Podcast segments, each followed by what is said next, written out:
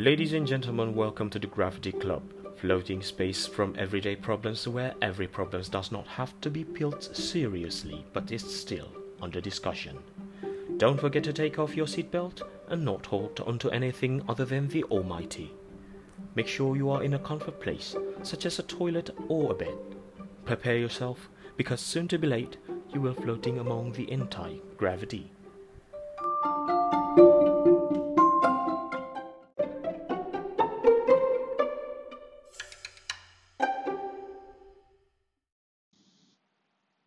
Welcome everyone, this is Darius on your hosting in Gravity Club. Don't forget to keep your seatbelt off and not hold onto anything because you are about entering the anti-gravity, floating in the middle of nowhere just to enjoy your life in a while. Okay. hari hari kedua, episode kedua, episode dimana gue masih belum kepikiran mau ngomongin apaan karena dari seminggu lebih. Ini udah hari kedua nih dan ini udah tag yang kesekian kalinya. Karena gue berkali-kali ngetek masih nggak berasa sek. Hmm, bingung gue masih belum tahu apa yang mau dibahas. Masih belum jelas um, mau nentuin konsep seperti apa. Mau ngomong bareng siapa. Terus mau ngomong sambil ngapain pun juga masih belum kepikiran ya sejauh ini sih paling ya cuman tunggu rumah sepi get a cozy place terus ya udah ngomong aja sendiri. So um, I decided to keep air with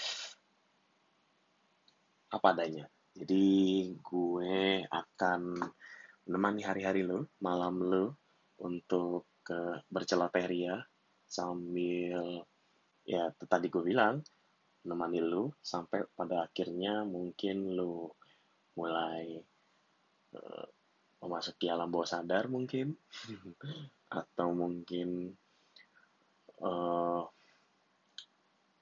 getting relax dan akhirnya tertidur ya sebelum tidur tapi selesai dulu podcastnya oke okay. hmm, dari sang, sang dari sekian banyak um, materi atau mungkin tema-tema yang kayaknya menurut gue menarik banget buat gue ulas. Kayaknya yang lagi kepatri banget di otak gue itu adalah work from home. Sebenarnya sih seperti kita semua tahu dalam kondisi saat ini ya work from home itu kayak jadi sesuatu yang shocking culture banget. Karena percaya nggak percaya, sebetulnya work from home ini tuh pernah kita lakuin. Cuman karena sekarang konteksnya kayak diharuskan sama pemerintah mungkin atau um, skalanya jadi lebih besar. Jadi uh, buat sebagian besar orang mungkin ini jadi seperti shocking culture ya di mana lo tuh harus tiba-tiba beradaptasi ulang. Padahal tuh nggak harus juga beradaptasi lo cuma tinggal um, melanjutkan apa yang pernah lo jalanin aja sebetulnya. Itu buat gue personally ya. Tapi gue juga nggak tahu deh kalau buat lo orang kayak gimana. But so gue tertarik banget buat ngebahas tentang how's me selama gue work from home? Karena sebetulnya kalau di tarik balik udah sekitar sebulanan lah diem di rumah. Sekali-kalinya gue keluar rumah pun juga cuman buat beli sesuatu. Itu pun juga udah bikin gue males banget buat jalan karena kan gue mana-mana harus jalan kaki ya. Ke depan ke depan komplek dulu dan karena sekarang uh, akses ditutup jadi cuma satu pintu which means gue harus muter dulu untuk uh, bisa ke satu tempat tujuan. Dan itu malas banget sih. Gue lebih uh, decide untuk baringan aja di rumah atau uh, getting exercise di rumah. And then pada akhirnya eh, pada awalnya begitu work from home strictly mulai dijalanin nih ya um, hari dua hari pertama itu uh, fase-fase maksa buat gue. Karena gue sendiri pun juga ya again ketika tadi gue bilang ini kan sebetulnya pernah kita lakuin. Tapi karena mungkin jarang kali ya kalau di gue tuh. Jadi kayak tiba-tiba kagok dan gue harus uh, kerja di rumah. Dan dua hari pertama dua hari pertama jujur aja gue jalan itu dengan super super super maksa di mana gue harus um, ngeplot nih berapa banyak kerjaan gue yang harus gue kerjain dalam sehari. Sebetulnya itu nggak gampang juga ternyata ya buat gue sih. Karena hmm, satu-satunya godaan gue yang terbesar adalah kasur. Kasur itu seketika jadi sesuatu yang kayaknya nikmat banget. Kayak lo tuh melakukan sebuah guilty pleasure. Once lo ada di atasnya lo merasa bersalah tapi lo akan sangat menikmatinya. Nah itulah yang gue alami selama dua hari, dua hari pertama lah ya. Dan hari ketiga um, masuk ke fase menurun nih, gue makin parah, di mana gue bahkan uh, cheating, di, gue nggak gue nggak melakukan hmm, absen online gue secara uh, tepat waktu, terus bangun rada kesiangan, habis makan ketiduran, tidur siang maksudnya, dan gue baru bangun jam 4, baru gue benar-benar kerja. Itu di hari ketiga. And then ya karena gue bukan tipikal orang yang um, kayak secara random atau uh, simultaneously gue doyan melakukan sesuatu secara spontan ya gue bukan tipikal orang, orang yang uh, terus-terusan yang seperti uh, nyaman dengan hal-hal seperti itu. Dan karena mungkin juga gue termasuk orang yang suka segala sesuatunya itu kalau bisa sesuai pada tempatnya jadi gue lebih mikir kayaknya mendingan gue uh, kerja di kantor itu udah paling bener dah walaupun sebetulnya di kantor itu uh, environmentalnya itu nggak friendly, friendly banget buat gue. Berisik lah terus uh, terlalu terbuka dan terlalu rame. Buat gue jadi gue nggak nyaman. Cuman but again once lo tuh gue gue percaya kadang gue ketika kita memasuki sebuah ruangan dan di dalam ruangan itu kita ngelakuin aktivitas, secara nggak sadar kayaknya ada yang tertinggal di situ, such as energy maybe, ya who knows. Tapi bener aja, gue jadi kayak ke-trigger untuk kayaknya kerja di kantor, eh kerja itu ya identically uh, ya di kantor, bukan di kamar gitu. Setelah terjadi hmm, fase-fase pandemik kayak kayak begini, ketika kerja itu tiba-tiba harus di kamar, ya guilty pleasure aja.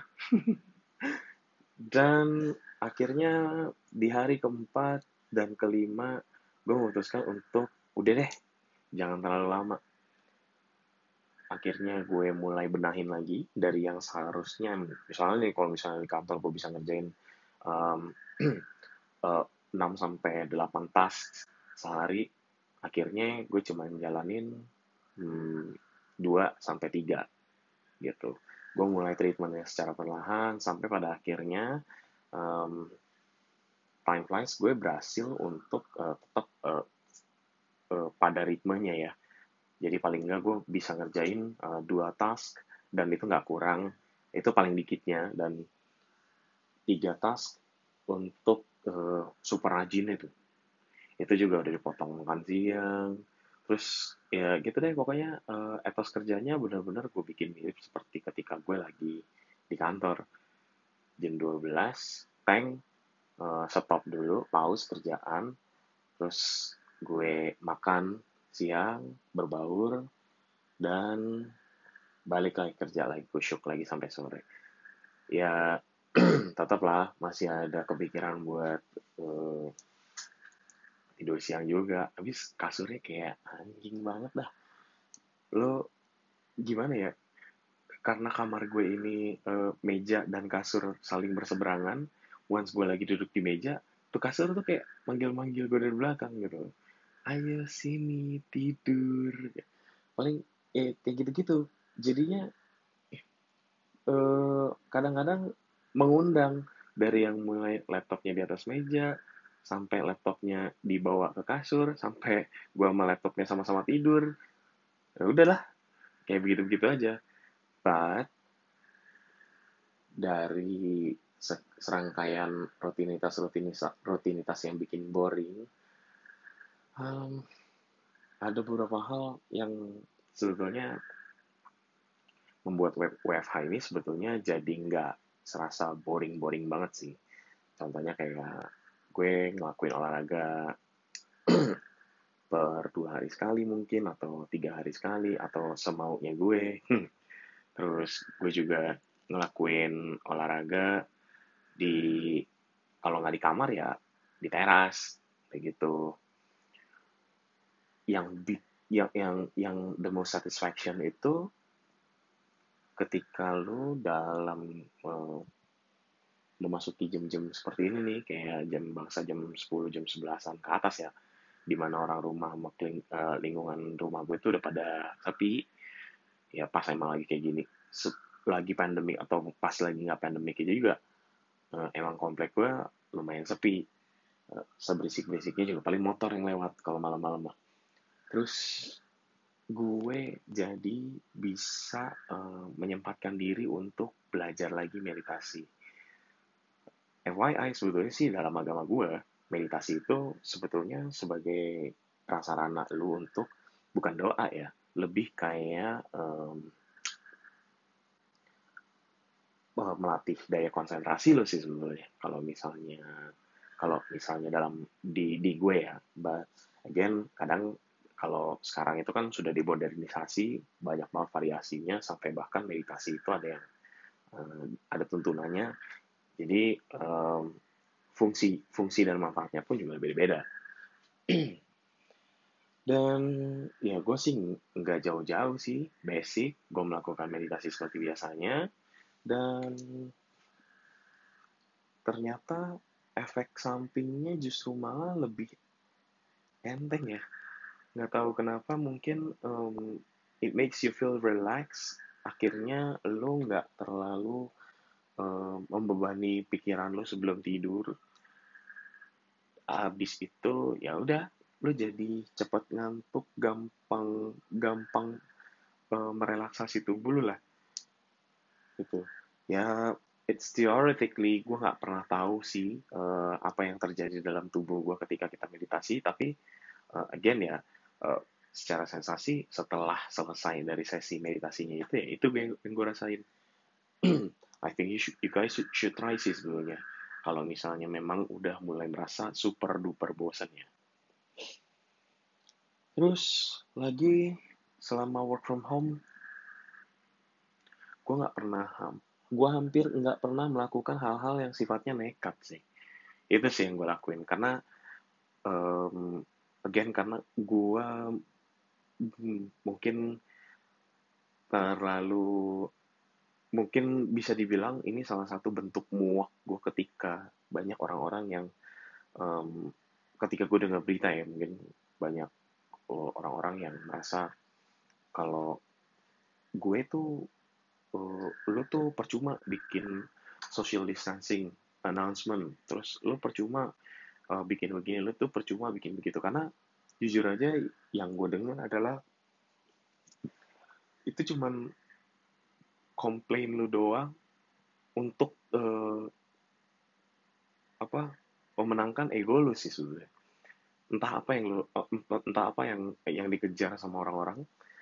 But dari sisi gue secara secara positif mungkin ya buat gue itu sebetulnya nggak tepat sih. Karena pemerintah itu juga orang once mereka bikin uh, keputusan seperti itu bukan berarti nggak dipikirin dan tujuannya memang untuk for good ya. Di mana kalau memang lu bisa taat harusnya harusnya kalau gue nonton di salah satu vlog kalau memang kita taat banget buat ngejalanin social distancing atau PSBB-nya inilah ya harusnya puncak pandemik di Indonesia itu sudah terjadi di bulan lalu. Jadi nanti di bulan Mei itu fase turun. Tapi kelihatannya bulan depan atau bulan Mei kita baru akan masuk ke puncaknya sehingga baru akan reda di bulan Juninya. Which means itu akan memperlambat ya bukan memperlambat sih memperpanjang sebetulnya. Ya walaupun sebetulnya I've enjoying myself with work from home sebetulnya akhirnya gue juga jadi nggak nyaman tetap aja. Lu mau sampai kapan sih diam-diam di rumah mulu? Orang temen-temen gue aja ya kalau misalnya ketemu di sosmed atau mungkin ketemu di zoom tuh ada juga yang bilang kayak hm, aku kangen terus hm, aku pengen begini aku pengen begitu. Tung dia nggak bilang aku pengen onani. Begitu ada juga yang ya gue juga kadang-kadang kayak gitu sih kadang-kadang iya ih bosen ih sampai kulit gue transparan. Ya jadi kayak begitu-gitu loh. Itu tuh boring banget. But again kalau memang lo boring ya lo harusnya bisa sabar sampai fasenya itu turun dan kita bisa keluar lagi. Tapi gara-gara uh, awarenessnya itu terlambat orang-orang yang sebetulnya patuh jadi harus work from home atau stay at home jauh lebih lama dibanding orang-orang yang melek matanya itu telat banget. So fuck you guys sebetulnya sih, cuman ya udah lah ya. Uh, hak, hak asasi masing-masing juga. Ya sebelum tering sih, yang penting gue gak mati, udah itu aja. so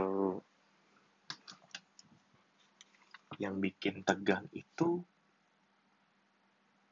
bukanlah ketika lu tertahan di dalam rumah atau jadi tahanan tahanan kota. Yang bikin uh, entah kenapa ya it feels like uh, you're inside in a zombies film when you're trapped in there alone with nobody around and ya kayak gitu deh. Lo uh, kalau lo mungkin pernah um, nonton film-film zombies ini tuh feelsnya tuh mirip kayak gitu loh. Gue pernah sekali karena mungkin menur uh, menurut gue ketika orang-orang itu melakukan aktivitas di siang hari berarti di malam itu kan cukup tenang. Uh, sehingga harusnya secara logis uh, risiko-risiko uh, terpapar itu jauh lebih sedikit. Karena sepi. Dan gue pernah sekali waktu memberanikan diri untuk keluar rumah just to apa ya just to checking around kalau misalnya kondisi kota tuh seperti apa. Dan udah malam-malam uh, begonya gue pakai headset dengan lagu-lagu yang uh, soundtrack-soundtracknya lagu-lagu film-film zombie tuh. Jadinya kayak creepy gitu loh. Ketika lo jalan di uh, jalan di di jalanan lah ya ya masa jalan di kasur. Terus rasanya tuh seperti kayak lo ya benar-benar lo inside the zombies film. Lo um, lo totally alone terus kiri kanan lo uh, sampai hampir nggak ada kehidupan gitu. Dan uh, walaupun mungkin uh, tidak ada yang lewat jadinya tuh kayak uh, ya creepy deh. Pokoknya tuh lu jadi jadi kayak was-was gitu loh. Kita nggak tahu apa yang ada apa yang bakalan nongol. Bukan bukan yang itu ya. Bukan yang alus-alus. Cuman uh, kalau misalnya kebayang nggak sih tiba-tiba hmm, ada kayak kayak kalau misalnya di film zombie lu lagi jalan sendirian tiba-tiba ada zombie dari eh, di depan lo ya, nah kalau yang ini tuh lu lagi jalan sendirian ya sendirian aja nggak ada yang lewat sebetulnya. Cuman jadi kepikiran ih takutnya gimana gimana nggak ya? Ya sesekali juga bahkan kepikiran untuk jangan-jangan uh, uh, takutnya ini bakalan dimanfaatin sama oknum-oknum yang nggak baik nggak ya? Gitu. Ya, kayak gitu-gitu juga sih. So work from home hmm, baik dan nggak baik sebelum menurut gue baiknya karena ini demi kepentingan bersama buat kesembuhan bersama juga nggak baiknya karena boring. Buat gue sih itu. Terus sisi positif lainnya selama gue balik lagi dalam rumah sisi positifnya uh, gue jadi gue jadi semen gue jadi bisa lihat eh, kegiatan yang dilakukan nyokap gue dalam sehari karena kan kebetulan um, gue orang kan tinggal berempat kan. Bokap kan nggak ada. Gue gue belum gue masih inget banget ketika masih masa-masa uh, kita baru kita baru sama-sama ngejalanin masa 49 kalau di agama gue kebetulan 49 49 harian bokap di mana nyokap gue tuh masih parno-parnonya. Jadi ketika eh, sekali waktu dia pernah ke gap ngaku bahwa eh, lu pulangnya nanti langsung pulang ya. Nyuruh gue langsung pulang gitu habis kerja. Lah emang kenapa mak? Mama takut. Jadi uh, masih ada hal-hal yang ya, ya kayak gitu-gitu lah. Terus gue jadi teringat di masa itu sebelumnya dan ketika ada um, momen WFH seperti ini gue bersyukur banget sih sebetulnya bersyukur karena uh, gue jadi tahu oh kalau kalau jam-jam segini tuh sebetulnya nyokap gue biasanya ada di ruangan mana dan dia lagi ngapain. Dan karena kebetulan semen udah sekitar dua tahun setahun berjalan lah ya nyokap gue mulai kenal sama YouTube dia tuh jadi kayak punya dunianya sendiri sih sebenarnya. Kalau misalnya siang udah kelar masak ya udah duduk aja di duduk aja udah di ruang tamu. Terus dia setel YouTube sampai dia yang ketiduran. Terus uh, dan di situ gue melihat hmm, sisi kesepian seorang emak sih. Di mana ketika anak-anaknya udah pada gede udah punya kesibukan dan dunianya masing-masing mereka tuh jadi justru malah jarang ada di sekitar dia. Dan sebetulnya kalau mungkin buat teman-teman yang masih belum nyadar dan mereka masih punya orang tua jam-jam segini itu bakalan disyukurin banget sama nyokap kita ya karena kita tuh ada di sekitarnya dia, kita tuh ada di deket dia gitu. Jadi jam-jam makan siang itu kita bisa ngobrol bareng. At least lo nggak perlu ngobrol, lo ada di sebelah dia itu tuh dia jadi kayak hmm, merasa secure.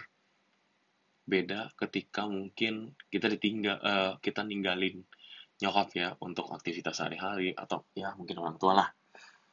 Ya, mostly sih mungkin nyokap karena kan nyokap yang lebih lebih paling paling pasaran banyak di rumah ya. Kayak gitu. Jadi ini momen berharga banget untuk gue bisa uh, tetap jaga kedekatan gue atau uh, anggaplah silaturahmi gue dengan orang tua gue. Itu. Terus perubahan perubahan positif lainnya sih sebetulnya buat gue dari yang gue mungkin sibuk dan lain-lain ya uh, gue jadi kayak menyempatkan diri buat cuci tangan. Mungkin karena di Rudung Parno juga sih waktu itu. Rajin cuci tangan, selalu uh, jaga kebersihan. Gue tahu kapan gue harus keluar. Gue lebih um, much caring myself sebenarnya sih. Karena gue um, mungkin kan uh, selama kita uh, di luar dari pandemik ini ya, mungkin kita tuh kayak kurang begitu perhatian sama diri kita sendiri. Contohnya nih yang paling gampang, hmm, mesen makanan via ojol gitu. Mungkin ini bukan ngomongin masalah ojolnya atau si person yang nganterinnya ya. Ini ngomongin masalah proses uh, pesanan itu dipesan sampai lo lahap masuk ke perut lo sebetulnya kalau lo caring of yourself lo akan mulai melihat um, harga dari mulai harga servingnya um, lokasinya dari sekitar mana uh, durasi pemesanannya packagingnya uh, dia pakai uh, packaging yang baik atau enggak. Terus uh, diantarin sama siapa. Itu uh, itu sebetulnya um, kalau kita nggak aware ya jatuhnya kita akan sakit juga dengan um, pola hidup yang kurang sehat. Mungkin kurang sehat di sini konteksnya lebih ke jorok. Kan kita nggak tahu ya proses selama dibuat itu seperti apa. Kan kita nggak uh, pergi ke tempat ke tempatnya gitu ke restorannya. Di situ. Nah semenjak kondisi sekarang ini justru malah gue lebih milih karena ketika kita tahu uh, ketika kita sayang badan kita jadi tahu gimana cara nge-treat badan kita supaya dia nggak menderita lah. Ya itu sih yang uh, akhirnya uh, kayak kepikiran gitu loh di otak gue terus lagi ja sisi introvert gue um, kebetulan mungkin cukup uh, maksimal bekerjanya. Jadi once gue kesepian, gue kayak nggak merasa kesepian-kesepian banget. Which means um, I love being alone gitu untuk uh, sebentar atau mungkin uh, ya intinya sih gue suka uh, gue gue suka untuk punya uh, sesi di mana gue tuh cuman bisa sendiri ngelakuin hal yang gue mau dan ngelamun gitu. Dan um, kadang-kadang yang seperti itu merelaksasi diri gue sendiri sih. Karena memang jujur aja gue juga kurang suka ada di keramaian. Bukan bukan tipikal gue banget sih. Dan lagi gue juga um, di di saat-saat gue mulai merasa bosan di situ uh, syukur-syukur ya gue jadi kayak ngechat ngepoin storynya teman-teman gue. Terus banyak banyak uh, banyak banget ngobok-ngobok memory lane yang ada di sosmed gue. Ketika ngezoom gue tahu uh, gue lihat mana yang biasanya bergaul sama gue di luar uh, konteks kerja juga terus. Dan kebetulan gue juga punya sahabat yang um, saat ini memang lagi uh, lagi sibuk-sibuknya sih ngurusin masalah virus-virus ini juga. Uh, dan dia juga lagi ada di Jepang. Dan gue juga kadang konsultasi sama dia, nanya-nanya, dan most likely sih gue nanya kabarnya dia juga, karena memang sahabatan juga udah dari, udah dari lama sih, dari SMP. But again, uh, dari serangkaian uh, kegiatan keponisasi gue, jadi kayak kepikiran gitu loh, kayak, eh ayo ngajak nge-zoom yuk, eh ayo teleponan, eh ayo ngapain, ya jadi ada something you can do buat uh, meet up digitally sih gitu. Jadi menurut gue untuk saat ini ya untuk saat ini gue masih belum merasa kalau gue tuh ada di uh, titik jenuhnya WFH sih atau anggap aja gue mungkin udah lepas dari masa itu ya.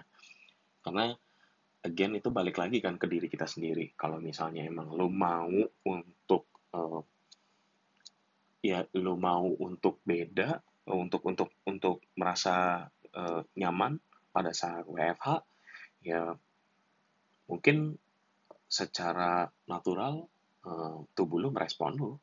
Ya lu jadi kepikiran untuk ngelakuin sesuatu. At least paling gampang beresin rumah mungkin. Kita nggak tahu. Dan jujur aja sih setelah gue uh, lihat-lihat kamar gue itu super mash up dan pokoknya kapal pecah banget dah. Dan ketika ada pro, uh, program WFH ini dijadi dijadiin strict gue jadi merubah total kamar gue sampai gue bahkan nggak ngira kalau kamar gue itu kecil tapi lega that's it sebenarnya sih that's that terus uh, apa ya ya mungkin masih ada beberapa teman-teman gue juga yang uh, naluri adventure-nya mulai keluar, terus ngajak-ngajak naik gunung dan lain-lain ya. Jadi punya bucket list. Jadi udah mulai starting nih, udah bucket listing ya even though mungkin man purposes God disposes cuman uh, jadi bisa di planning dulu. Ya berharap sih mungkin tahun ini masih dapet ya naik gunung lagi ya. Seru soalnya. Itu kurang lebih serangkaian kegiatan-kegiatan yang gue lakukan di dalam rumah. Dan juga gue jadi lebih hemat sih sebenarnya. Again buat yang gue bisa ambil kesimpulannya dan mungkin bisa gue bagi-bagi ke teman-teman juga. Lu orang juga jangan terlalu um, mungkin jangan terlalu di rasa juga ya untuk saat ini. Um, memang mau nggak mau kita mesti uh, mecut diri sih once lu udah merasa bosen uh, paksain dulu kalau misalnya lo takut untuk uh, bukan tipikal orang yang doyan menyendiri at least lo udah harus uh, proaktif untuk cari teman gimana pun caranya. Even itu cuma telepon sebentar atau mungkin lo mau collecting people just to connect you gitu. Mungkin um, bisa janjian sama teman-teman biar kayak Nokia konakin people. Jadi bisa ketemu in virtual supaya tetap bisa uh, merecharge rasa kekangen, kekangen, kekangenan lu juga ya. Terus lagi um, jangan lupa juga bahwa mungkin kalau misalnya masih tinggal sama orang tua jangan lupa juga kalau um, mungkin lo um, harus sesekali at least cuman sekedar negor sapa aja lah walaupun lo cuman buat lewat uh, ngelewatin dia buat kencing doang ke kamar mandi. Itu justru malah ice breaking uh, suasana kebosanan lu sih buat gue ya. Um, again uh, gue nggak menjanjikan bahwa apa yang gue share ini mungkin bisa uh, bermanfaat but uh, at least ini ngaruh di gue so ini berdasarkan pengalaman yang gue sudah jalanin. Ya nggak menutup kemungkinan suatu saat juga akan bosan lagi dan biarin aja dulu nikmatin aja dulu. Um, justru ketika lo bosan um, kalau lo uh, aware dengan sekitar lo lo jadi cepat untuk menemukan segala sesuatu yang baru yang lo bisa kerjain. Um, nggak jelas sebetulnya topiknya. Tapi ini jadi gimana ya? Hmm, at least gue mulai membiasakan diri lah untuk melakukan podcast podcast ini. Jujur aja eh, karena gue bukan banji kamera ya podcast itu semenjak episode 1 keluar podcast itu mengundang candu buat gue. Karena um, percaya percaya sih ini gue pun memulai podcast di saat pandemik uh, berja apa di saat masa-masa pandemik ini dimulai. Jadi uh, ini pun juga uh, satu langkah baru gue juga sih untuk bisa berekspresi dan ya benar sih gue setuju juga sama hmm, pemikiran temen gue yang ternyata udah lebih pengalaman untuk melakukan podcast dia hmm, mungkin kalau dia lebih lebih cocok eh, disebut kalau podcast itu sebagai diary dia dalam bentuk suara kali ya. Kalau gue bisa simpulin sih. Karena um, dia menumpahkan semua emosinya ada di dalam situ. Kalau gue ya kalau gue pertama cuma buat gaya-gayaan doang dan karena keba kebetulan uh, podcast ini lagi uh, nge-hypes banget hmm, kekinian dan lagi juga gue jadi bisa hmm, latihan ngomong lah ya. Latihan ngomong gue bisa berekspresi lewat suara tanpa harus merasa malu dilihat orang. Atau tanpa gue nya sendiri merasa uh, kaku di depan kamera sih. Ya itu sih yang uh, mungkin bisa gue share. Hmm, sebagai teman yang baik juga untuk menyambung informasi yang teman baik gue sampaikan itu uh, mungkin gue juga bisa sampaikan ke teman-teman nih hmm, buat kalian yang mungkin pada akhirnya harus berhadapan sama um, virus laknat itu um, jangan berkecil hati jangan juga merasa ciut. Um, bersyukurlah kar karena uh, lu dikasih momen untuk fight. Mungkin itu jadi pertarungan terbesar dalam hidup lo benar-benar bertarung ngelawan maut. Dan cobalah sekali-kali untuk mau terbuka ya. Karena kebetulan uh, ada temanku juga yang ternyata untungnya untungnya kena subcluster. Jadi um, bukan sesuatu yang berbahaya banget dan jadi bisa uh, di situ di situ gue bisa nggak tahu kenapa gue kepikiran untuk uh, keep calm dan uh, spreading positivity ke dia. Sehingga akhirnya uh, dia mungkin ya uh, time flies dia jadi bisa kayak ngatasin dirinya dia dirinya dia sendiri. Which is um, satu satisfying sendiri sih buat gue. Terus uh, teman gue juga ngingetin once lo merasa sakit sakitnya yang mirip-mirip gejala seperti demam demam tinggi ya. Terus um, batuk pilek sakit tenggorokan. Kalau misalnya ketemu yang seperti itu jangan dulu skeptis untuk langsung ke dokter atau ke rumah sakit karena saat ini eh, tempat-tempat itu justru malah lebih identikal sebagai zona merah. Tapi lakuin uh, self isolate uh, isolated selama 14 hari dan konsumsi makanan-makanan sehat uh, paksain mungkin untuk olahraga terus minum atau konsumsi obat-obat yang biasa diminum kalau sakit bukan obat dokter kecuali memang uh, apa udah dalam kondisi parah atau kondisinya uh, memburuk. Dan ketika gejala-gejala uh, seperti itu uh, menghilang temen gue pesan juga jangan diberhentiin dulu obatnya tapi mungkin bisa lu turunin dosisnya hanya untuk make sure kalau lo benar-benar hmm, sembuh. Ya seperti itu sih. Jadi ya seperti itu. Dan benar-benar sebisa mungkin keep inside. Jangan sampai um, justru malah lo terpancing untuk keluar. Karena kan kita nggak tahu ya um, bentuknya seperti apa bagaimana cara dia nular itu kita nggak tahu. Hindarin juga tempat-tempat ramai katanya se seperti itu. So nggak ada salahnya buat dicoba nggak ada salahnya juga buat dibagi. Um, tapi uh, segalanya gue akan kembaliin ke teman-teman juga nih. Kalau misalnya kalian mungkin merasa untuk kayaknya ini nggak penting-penting banget. That's fine brother.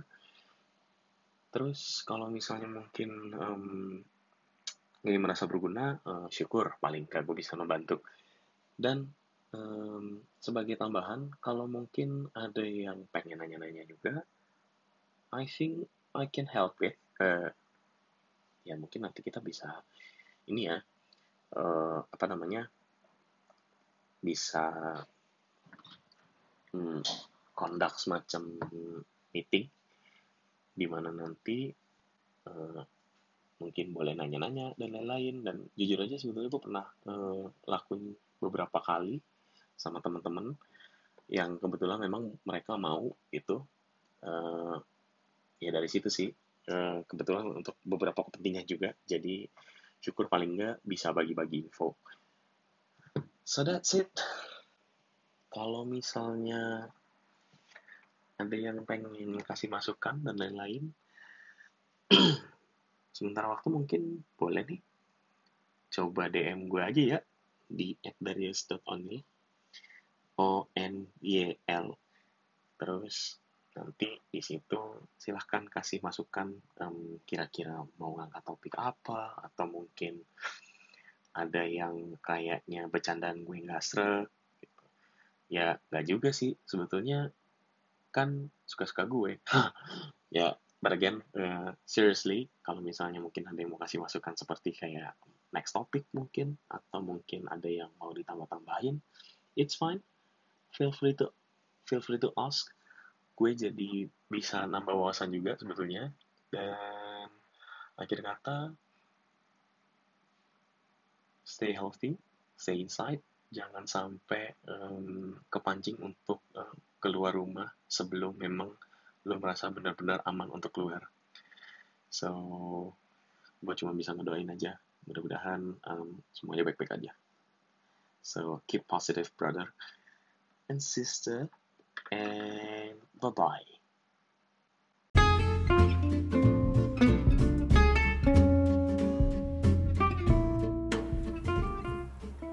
In 150 meter, you will arrive at the end of the anti-gravity.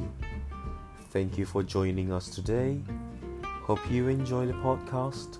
Please check your belonging as I am sure it's still floating above. Last but not least, please don't die.